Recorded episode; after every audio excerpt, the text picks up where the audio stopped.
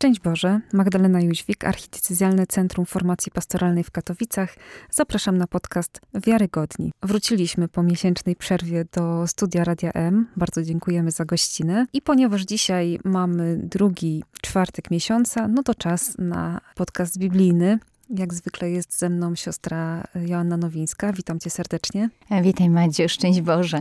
I zajmujemy się kolejną księgą mądrościową, księgą problematyczną, księgą Syracha. To może najpierw spróbujmy się zająć tym, dlaczego ona jednak jest trochę problematyczna, bo tutaj już nawet jeśli chodzi o kwestię jej uznawania bądź nieuznawania przez Żydów, to już jest zagadkowa historia, więc spróbujmy może na początku coś o tym opowiedzieć. Księga, y, która sprawia dla nas wrażenie takiego hmm, starożytnego kolejnego savoir vivre y, nieco bardziej rozbudowanego niż Księga Przysłów. I, I dłuższego. Właśnie. I budzi y, mnóstwo pytań. Pierwsze pytanie rodzi się, kiedy pozaznaczamy wszystkie odniesienia do Boga pojawiające się w tej księdze, których jest bardzo dużo notabene. Drugi element to zarazem takie partykularne rozdrobnienie wręcz każdego elementu rzeczywistości, z, którą się, z którym się spotykamy, czy z którym jakby człowiek spotyka się w takiej normalnej, relacyjnej egzystencji.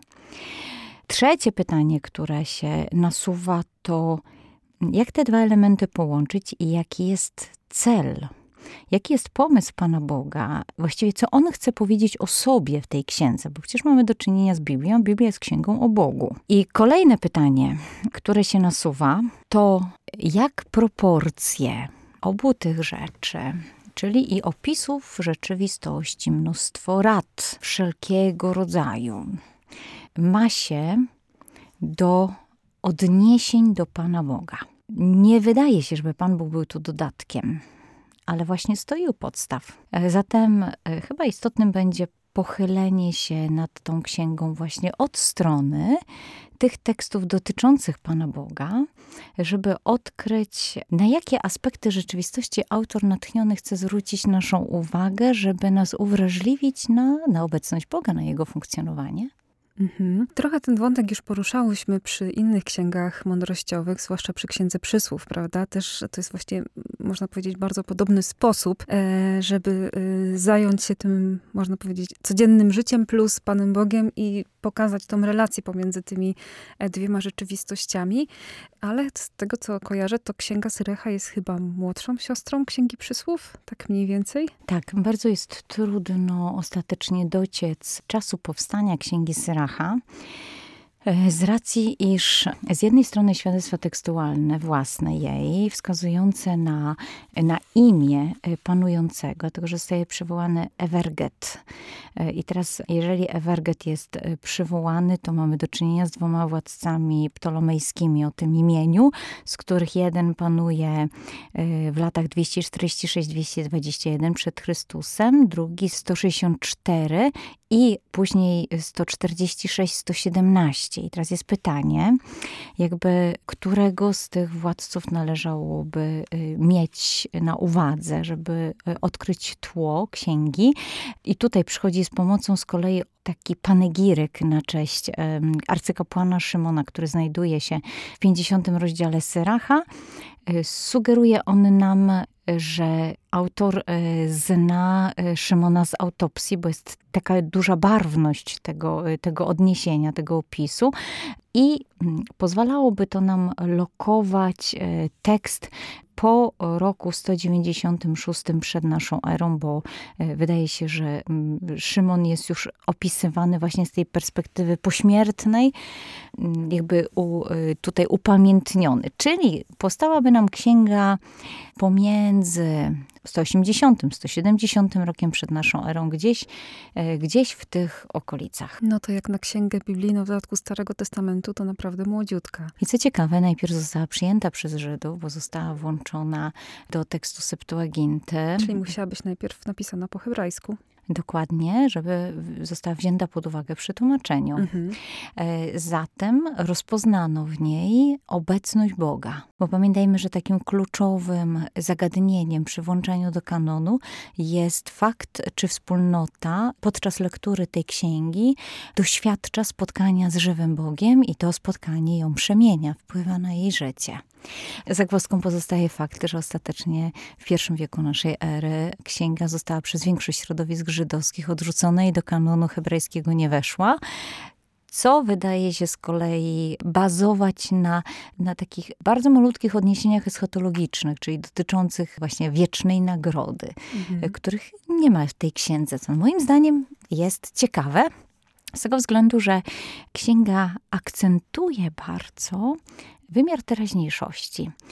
Na niej, tutaj jest y, ulokowany fokus na takim dobrym, obecnym, świadomym funkcjonowaniu dzisiaj. Mhm. Rzeczywiście to jest ciekawa historia z tym, że, że ta księga najpierw była w kanonie, a później nie. Przypomnijmy tylko, że e, my ją też traktujemy jako księgę deuterokanoniczną, oczywiście jako natchnioną, ale właśnie deuterokanoniczną tutaj to warto wiedzieć, że jest kilka takich ksiąg, które, które tak traktujemy.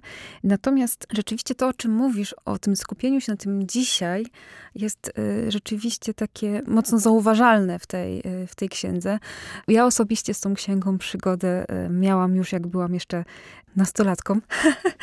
I pamiętam, że niektóre opisy były dla mnie takie, ale aż tak dosadnie. Będziemy się zajmować tą codziennością. I rzeczywiście, no, można mieć takie wrażenie, że ten, że ten Syrach rzeczywiście jest jakimś takim nauczycielem codzienności. Chyba, chyba to y, jakoś tutaj się pojawia, no bo on sam trochę, tak jak już wspomniałaś, pokazuje się w takiej roli nauczyciela. I też myślę, że to, o czym powiedziałaś, że jest to księga stosunkowo młoda, to może sprawia, że też no wbrew pozorom chyba łatwiej nam ją trochę czytać niż niektóre inne księgi. To znaczy, że kulturowo jednak trochę tamtej tradycji greckiej jest całkiem sporo i dzięki temu jest to dla nas takie chyba prostsze w takim odbiorze, przynajmniej co do języka i co do tego, jak to, jak to tutaj zostało przedstawione. Zastanawiam się, Madzia, wiesz, czy, czy to nie jest zwodnicze. Mhm. E, dlatego, że ilekroć czyka, czytam opracowania na temat e, różnych zagadnień etyki w Biblii, myślę sobie, czy nie jest to właśnie przyłożona miara do tekstu biblijnego taka pragmatyczna, która jest, jakby lokuje się w tendencji współczesnej w tym pytaniu, co mam robić, prawda? Nie, z kim mam relację i kto to tak, jest tak, i jak tak. jest fascynujący. Tego, co mam zrobić i pozostaniemy na tym etapie faryzeizmu, wypełnię wszystkie zasady i cześć pieśni. Mhm. E, natomiast mam wrażenie właśnie, że ta zwodniczość tych przepisów może nas prowadzić e, w ślepy zaułek, że bardziej chyba mamy tutaj do czynienia z wyakcentowaniem właśnie obecności Boga, czyli mam takie wrażenie, że może jest tak, że autor natchniony poddaje całą propozycję refleksji greckiej dotyczącej, czy całą refleksję grecką dotyczącą codzienności, połączoną zresztą z semicką refleksją, bo przecież to kto nie myśli o tym, jak funkcjonować, czy jak wychować dzieci, czy jak... E, no prawo do... też przecież było bardzo konkretne, prawda? Tak, dokładnie. Z tym, że tu mamy takie jakby rozpisanie na, na bardzo takie mikroskopijne szczegóły, ale wydaje się, że autor wrzucając niemalże co chwilę na każdą stronę odniesienie do Boga, e, chciałby powiedzieć nam, że nie wszystko jest takim, jakim się być wydaje. E, że mamy do czynienia. To wręcz zabrzmiało jak cytat. Tak, dokładnie.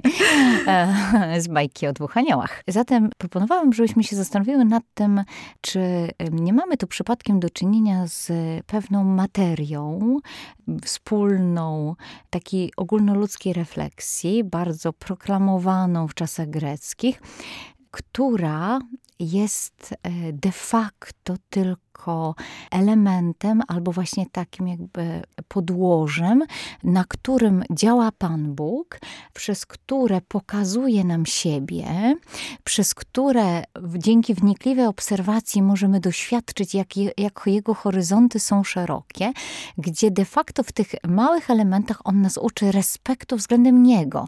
Dlatego, że kiedy wchodzimy chociażby w sytuację dobrej i złej żony, 25 rozdziale, to również tutaj pojawia nam się zarówno pojęcie daru, Dobra i zła żona zaczyna się w 13 wersecie 25 rozdziału. Mhm. I już prawie tam 15 wersetów dalej, może mniej trochę, w 26 rozdziale, wersecie trzecim, ale to jest cały czas ten sam ciąg, pojawia się wzmianka o tym, żeby uwzględnić respekt względem Boga. I że dzięki respektowi względem Boga właściwie odnajdziesz się w danej sytuacji. Czyli jeżeli popatrzysz na daną sytuację nie w sposób małostkowy, ale właśnie z szerokimi horyzontami, takimi, jakie rysuje przed tobą Pan Bóg, czyli idąc za Jego tokiem myślenia, nie za swoim.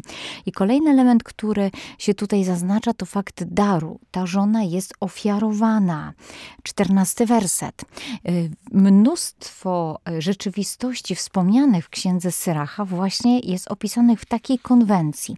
Zatem rozpoznanie świata jako tylko elementu obrazującego nam wielkość Boga, którą, która przekracza ten świat, a zarazem w jego całej harmonii i porządku może być dla nas uchwytna. A druga rzecz, element, czy właśnie ten aspekt, że wszystkie te rzeczywistości zostają nam ofiarowane, czyli że za nimi stoi ktoś, kto je wymyślił i kto widzi ich rozwój przez przekazanie ich, ich nam. Mhm. Wskutek tego, żebyśmy nie popsuli, mamy do czynienia z prowadzeniem przez Racha step by step poprzez każdą z nich. Mhm. Czyli rzeczywiście potrzebujemy też takiego przewodnika po to, żebyśmy mieli korzystać z tego wszystkiego, co dostajemy od Boga. A zarazem Tylko żebyśmy na tym nie zostali. Tak, właśnie chyba zarazem jesteśmy zaproszeni do tego, żeby zmienić punkt patrzenia na rzeczywistość. Mhm. Patrzeć od strony Boga obecnego, Boga działającego, a nie od strony materii. Bo wszyscy zdajemy sobie sprawę, że jeżeli skupię się na fantastycznym ciastku, to zanim mi przyjdzie do głowy, że... Kto je zrobił. Tak, prawda, najpierw kto je zrobił, potem, że jest super, to już się zagadam przy kawie, Mhm. i e, jakby obecność Pana Boga zejdzie na drugi plan. W momencie, e, kiedy jednak potraktuję na dzień dobry to ciastko, zanim zanurzę w nim zęby, e, jako prezent ofiarowany i kiedy powstanie w moim umyśle respekt wobec Boga, który tak prowadzi człowieka w rozwoju, że pozwala mu takie rzeczy konstruować, to ten Pan Bóg stając na pierwszym miejscu zmieni w ogóle mój sposób postrzegania tej rzeczywistości. Gdy cię tak słucham, to kojarzą mi się dwie kwestie. Pierwsza to chyba mm, no, nienaturalny podział na sakrum i profanum w tym kontekście, bo z jednej strony mam takie wrażenie, bo oczywiście popraw mnie, jeśli się mylę, że my trochę tą tradycję Starego Testamentu traktujemy jako właśnie no, taką tradycję, w której jest ten wyraźny podział, tak? Na to, co święte i co nieświęte, na to, co Boże i na to, co nieboże. A przy tych księgach mądrościowych, przy tej chyba jeszcze bardziej, okazuje się, że to nie jest takie oczywiste i takie proste i że chyba właśnie trochę to jest za duże uproszczenie, kiedy my sobie tak kojarzymy ten Stary Testament z takimi strefami wyłączonymi dla Boga, a reszta rzeczywistości, no to jest to wszystko, co już, co jest jakoś pozbawione jego szczególnej obecności. Wydaje mi się, że bardziej Stary Testament dzieli świat na według ludzkich wyborów. Czyli Mhm. jest, ym, świat cały należy do Boga, ale na tyle doświadczasz Go jako Bożego, na ile Go przyjmiesz jako Boży, na ile przyjmujesz Boga, a na ile skłaniasz się ku obcym Bogom, to wtedy się rodzi to profanum, czyli jakby zamykasz sobie możliwość percepcji świata jako Bożego. Okej, ale myślę sobie, że mamy też jakiś rozwój tej teologii biblijnej i też jakiś sposób rozwoju tej myśli w ogóle, tak? Jeśli Mhm. chodzi o relacje Izraela z Bogiem i każdego człowieka z Bogiem. Więc tutaj na pewno też nastąpiło jakieś, do, chociażby pod tymi wpływami greckimi, że w ogóle tą codziennością aż tak się tutaj e, zajmują. Myślę, że tu też, e, jeśli mogę ci wskoczyć Jasne, w jasne. słowo, Mhm. e, zaznacza się bardzo jakby fakt zajęcia się takimi tematami. Mhm. Dlatego, że one są obecne e, w myśli, ale nie zostały do tej pory uznane jako warte zapisu. Bo Mhm. pamiętajmy, że mamy do czynienia z kulturą oralną, e, dla której upiśmiennienie wiąże się jedynie z treściami, które obligatoryjnie powinny zostać przekazane następnym pokoleniom. Mhm. A do tej pory e, zagadnienie codziennej egzystencji nie awansowało na ten poziom. No tak, dokładnie o to, o to mi chodzi też, bo tak jak wspomniałam wcześniej, też mamy prawo, prawda, które jest starsze niż oczywiście te księgi i ono też reguluje codzienne życie, można powiedzieć. Więc jest to jakiś ale nie w aspekcie chociażby tego, czy ile wolno jeść. Jak mam w 31 rozdziale, że jedz co leży przed tobą, jak człowiek, nie bądź żarłoczny, abyś nie wzbudzał odrazy. Notabene no jest pokusa, żeby czytać te fragmenty z uśmiechem i po prostu dobrze się przy nich pośmiać, ale wydaje mi się, że to nie jest absolutnie cel. Też mi się tak wydaje, że to jednak nie po to to Syrach napisał, żebyśmy tutaj się podśmiechiwali z y, jemu współczesnych i stwierdzili, no dobrze, dobrze, trzeba było ich pouczyć. Bo właśnie jest pytanie, czym ten tekst miałby się różnić od Monachomachi. Mm-hmm. Więc nie chodzi chyba o, o ten aspekt y, li jedynie ironiczny. Mm-hmm. Tak, no dokładnie, więc to pytanie o, o tą codzienność, o to dzisiaj, to tutaj z drugiej strony kojarzy mi się też z takim podejściem bardziej kontemplacyjnym do rzeczywistości, bo kiedy mówiłaś o tym ciastku, e, żebyśmy się skupili na, na nim samym, a nie na tym, że jemy ciastko, rozmawiamy z kimś, jeszcze pijemy kawę i już w ogóle jesteśmy na, za dwie godziny to, co nas czeka, no to to pokazuje, że właśnie kiedy nie jesteśmy tu i teraz z tym, co teraz robimy, to nie jesteśmy w stanie dojść do tego, że to Bóg jest dawcą tego wszystkiego, co mamy i że to Jemu wszystko zawdzięczamy. Tak, myślę, że jeszcze wkracza tu jeden aspekt, to jest aspekt logiki. Mhm. Ponieważ zwróć uwagę, większość tych krótkich, jak i długich fraz dotyczących danego przedmiotu wskazuje na logiczność następstw. Mhm. Czyli, że kto zdradza tajemnicę, traci zaufanie i nie znajdzie sobie przyjaciela. To jest po prostu pokazanie konsekwencji działania. Tak, i logiki. E, mhm. Co nam e, sugeruje, że nie należy obwiniać Boga za rzeczy, które wynikają prosto z naszych wyborów, z, z czynności, które po prostu podjęliśmy. Chociaż Oj. najłatwiej, tak, już widzę twoją euforię, najłatwiej było e, tutaj obwinić Pana Boga, przecież ktoś mógłby to zmienić, jestem kimś, Pan Bóg Madzia, twój ulubiony temat. Nie wola Boża. Pana Boga. Wola Boża. Po prostu taka była wola Boża. tak, rzeczywiście, to, to o czym mówisz, to jest, tak sobie pomyślałam, że w takim razie lektora Księgi Seracha jest lektorą obowiązkową. Po prostu obowiązkową, żeby sobie właśnie mhm. wbić do głowy, że y, mamy rozum i warto z niego korzystać.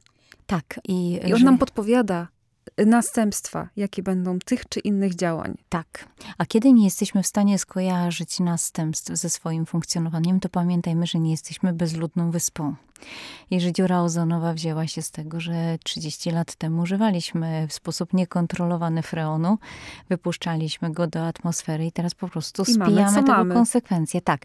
I myślę, że to jest też pokazanie takiego przedziwnego pomysłu Boga na świat, mhm. że w tym świecie e, generalnie e, nie zaskoczy nas konsekwencja, bo jesteśmy w stanie ją wydedukować, ale do tego musimy używać mózgu, e, bo inaczej elementy jakby wynikające wprost z naszych działań będą tylko powodem naszej frustracji, obwiniania Pana Boga i szukania jeszcze kto tu gdzieś Wiesz co, z jednej strony zgadzam się z tobą całym sercem, ale z drugiej strony, a propos tego naszego mózgu, no to prawda jest też taka, że niestety myślenie długoterminowe nie jest naszą mocną stroną i to zostało zbadane. Więc jakby to też jest pewna dziwna sprawa w kontekście, o którym mówisz, czyli że wszystko zostało nam podarowane przez Pana Boga, że dał nam też roz, rozum, tak? A z drugiej strony, no to myślenie długoterminowe to naprawdę to nie jest takie proste, w sensie takim, że, y, że faktycznie to jest udowodnione naukowo, że my nie mamy naturalnej skłonności, żeby myśleć o tym, co będzie kiedyś. Bo my najczęściej i tak działa nasz po prostu, nasze różne ośrodki w mózgu. Chcemy nagrody tu i teraz, a im szybciej, tym lepiej. A czy nie jest tak, że im bardziej świadomie przeżywamy teraźniejszość, tym lepiej percepujemy przyszłość z większym dystansem i z mniejszym pragnieniem kontroli. A myślę, że jeszcze chyba można dopowiedzieć tutaj, że im bardziej mamy świadomość siebie, tego, co się z nami dzieje, i się zatrzymujemy na tym, co się z nami dzieje, tym nam łatwiej jednak nie iść za tymi pierwotnymi impulsami, nie przelatywać tak bez zastanowienia po tym, co się dzieje w naszej codzienności i w dodatku nie szukać tych najprostszych rozwiązań. I tutaj myślę, że e, jeszcze pojawia nam się jedno zagadnienie. Teksty czy tematy przypominane mhm poza bojaźnią Bożą i obecnością Boga, przypominane właśnie w tych frazach e, dotyczących bezpośrednio Pana Boga, bo to jest też swoiste światło na akcenty, które e, w rzeczywistości są najistotniejsze.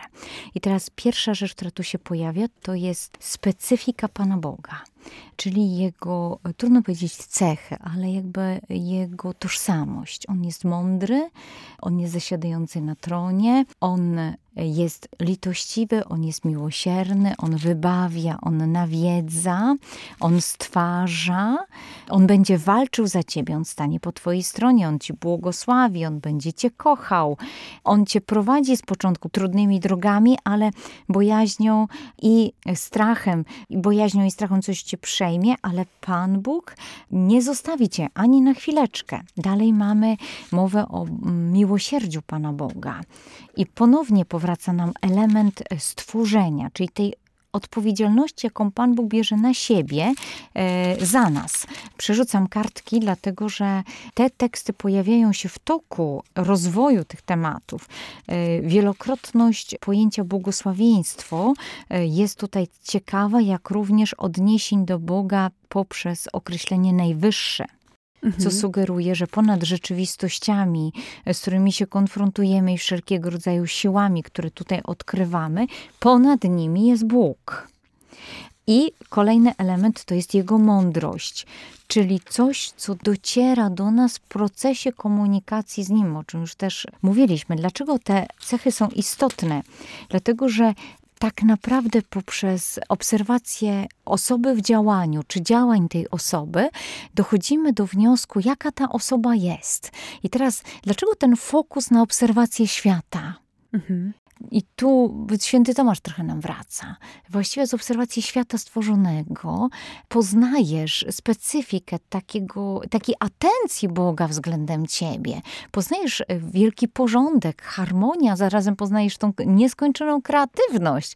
Poznajesz to bezpieczeństwo, które wykwita niejako z tego świata. Myślę, że dokładnie to jest ten, ten kierunek, o którym, o którym mówisz. To znaczy, że rzeczywiście to nam chyba pomaga może jakoś na nowo sobie przeformułować pojęcie miłości Bożej. Bo też spotykam się nieraz z takim myśleniem, że, że właśnie ta miłość Boża, że to tak się czuje, że tak się to przeżywa, w sensie się doświadcza tego jakoś emocjonalnie.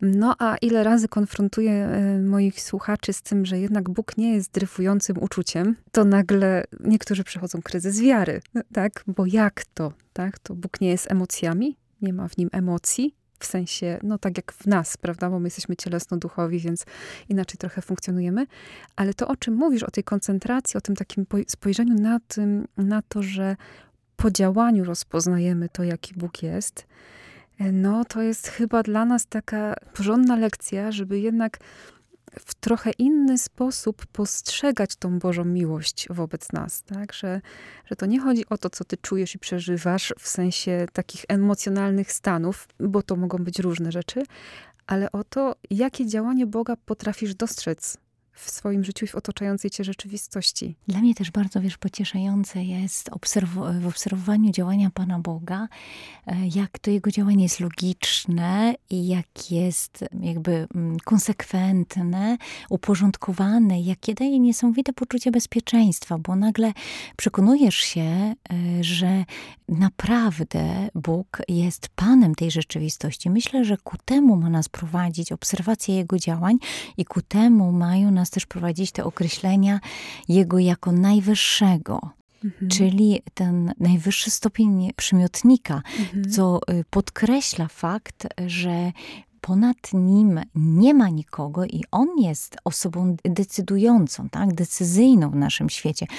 Co z kolei gwarantuje nam poczucie bezpieczeństwa, ofiarowuje nam to poczucie, jakby pozwala nam w tym funkcjonować. Ale zatrzymam się na tym teraz, o czym powiedziałaś, o tej racjonalności świata, o tej logice, o tym takim zgodności pomiędzy e, tym, jak działa ten świat materialny i, i czym jest po prostu wiara, tak? Czyli tym opieraniem się na Bogu po prostu, na tym, że to On jest właśnie decyzyjny, bo mam takie wrażenie, że zwalniamy się czasami z tego obowiązku e, szukania racjonalnych uzasadnień różnych rzeczy. Wydaje nam się, że jeśli nazwiemy pewne zjawiska po prostu naszą emocjonalnością, po prostu naszym, naszą fizjologią, to nagle gdzie będzie to miejsce dla wiary, dla Boga. A przecież to jest właśnie miejsce dla wiary i dla Boga. To znaczy to, że tak, to On to stworzył, to On nas takimi stworzył.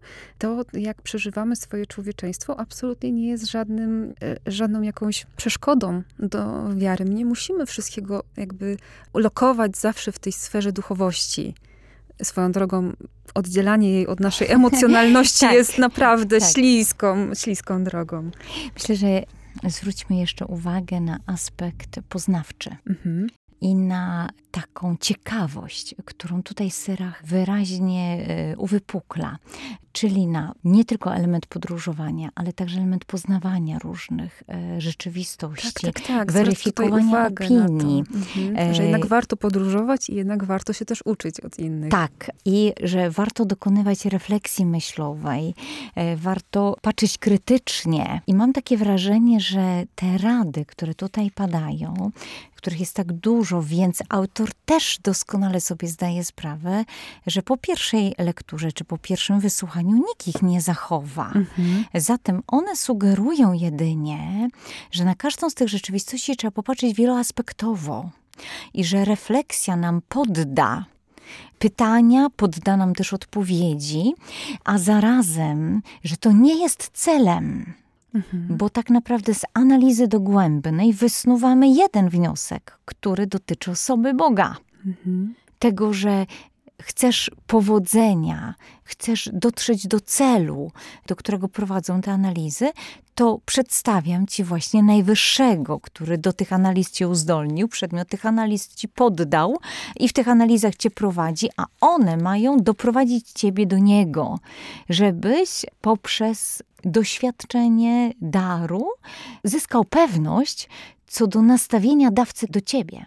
Mhm, żebyś tę pewność zyskał i pewnie na tym zbudował swoją nadzieję co do swojej przyszłości, prawda? Dokładnie. Chyba trochę też o to chodzi, prawda? Jakkolwiek ten wątek nie jest podkreślany. Tak, bo mówiłyśmy, że nie ma tak. tego wymiaru eschatologicznego wprost ta księga, ale z drugiej strony też wspomniałyśmy o tym, że ta codzienność jednak nastawia nas jakoś na przyszłość że ten Bóg, który teraz jest dla nas dobry i który tyle, teraz dla nas tyle, tyle robi, no raczej nie ma powodu, żeby zmienił swoje nastawienie wobec nas, prawda? Nic na to nie wskazuje. Tak.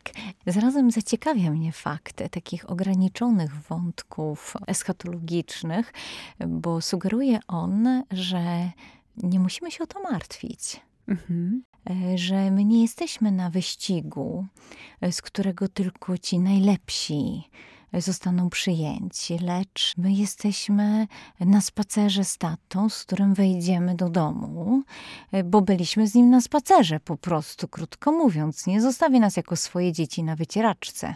I tutaj chyba naprawdę warto sobie popatrzeć na małe dzieci, które nie mają zapchanego kalendarza jeszcze, i nie, i nie przejmują się tym, co będą robić e, jutro. Tak? Dzisiaj cieszą się, że się mogą bawić, dzisiaj cieszą się albo smucą, że czegoś nie mogą, ale to jest właśnie takie bardzo dzisiaj. Jeszcze nie potrafią planować na jutro.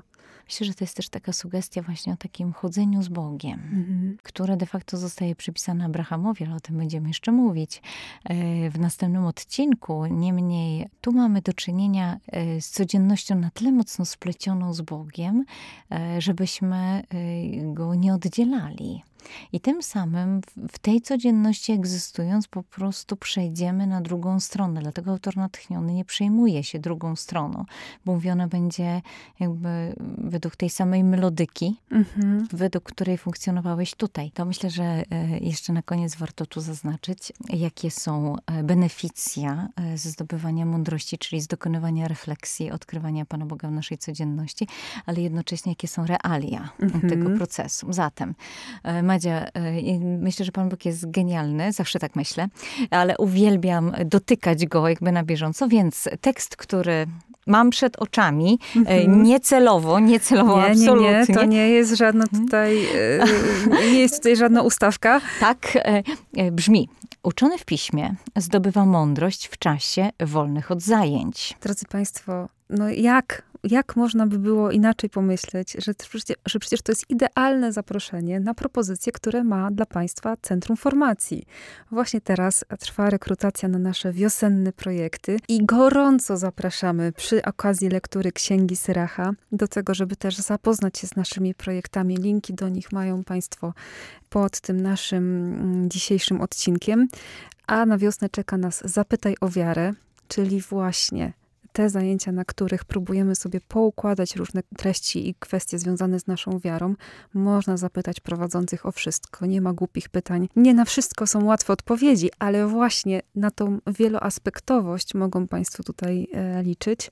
Drugim takim projektem też, który myślę poszerza nasze horyzonty i nasze granice myślenia o Kościele, to ekumenizm dla każdego. Tutaj patrzymy sobie na naszych różnych braci i ich przeżywanie chrześcijaństwa i naprawdę mamy wiele wspólnego i warto, warto się z tym też e, zapoznać, żeby nie czuć się takim ignorantem, skoro ten różnorodny świat staje się dla nas coraz bliższy e, z powodu różnych wydarzeń. No i nasz flagowy projekt, na szczęście już wiemy, że się otworzy siódma edycja Szkoły Katechetów Parafialnych. Nie jest to szkoła dla katechetów uczących w szkole. E, jest to projekt dla tych, którzy chcą wejść w takie wprowadzenie w teologię, cztery semestry mm, rzeczywiście takiej syntezy teologicznej, żebyśmy się zorientowali właśnie po różnych zagadnieniach i, i co do interpretacji Pisma Świętego, co do dogmatów, co do historii Kościoła, e, co do liturgiki, mm, duchowości i wiele, wiele innych tematów będą Państwo mogli tam y, przeżyć i doświadczyć. Obecna tu ze mną siostra Joanna jest jednym z naszych wykładowców, więc jeśli chcecie więcej i na żywo, to zapraszam. Edycja w Katowicach. To jest też taka przestrzeń, żebyśmy mogli zrozumieć lepiej Syracha z prologu, kiedy y, zamieszcza takie słowa.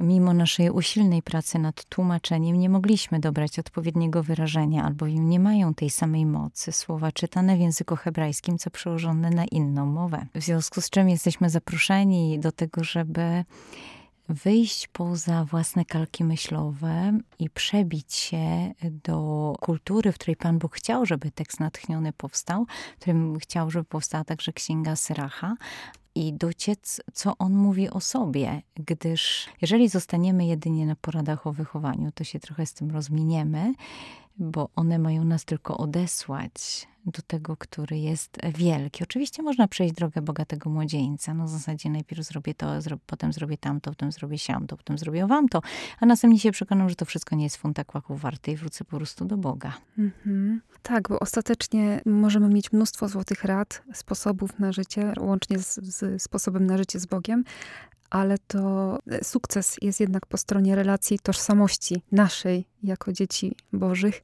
A I nie... przyjmowania od dokładnie, Niego. Dokładnie. Jeżeli wiem, że jestem dzieckiem Bożym, to wiem, od kogo mam przyjmować. Po prostu. I że bez granic mogę. Absolutnie. Absolutnie. Dobrze.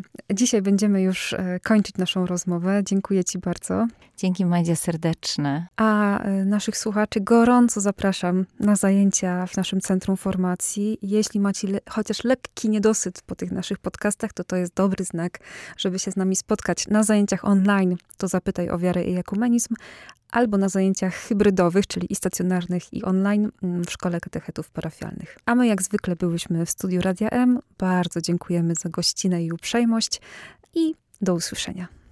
Szczęść Boże.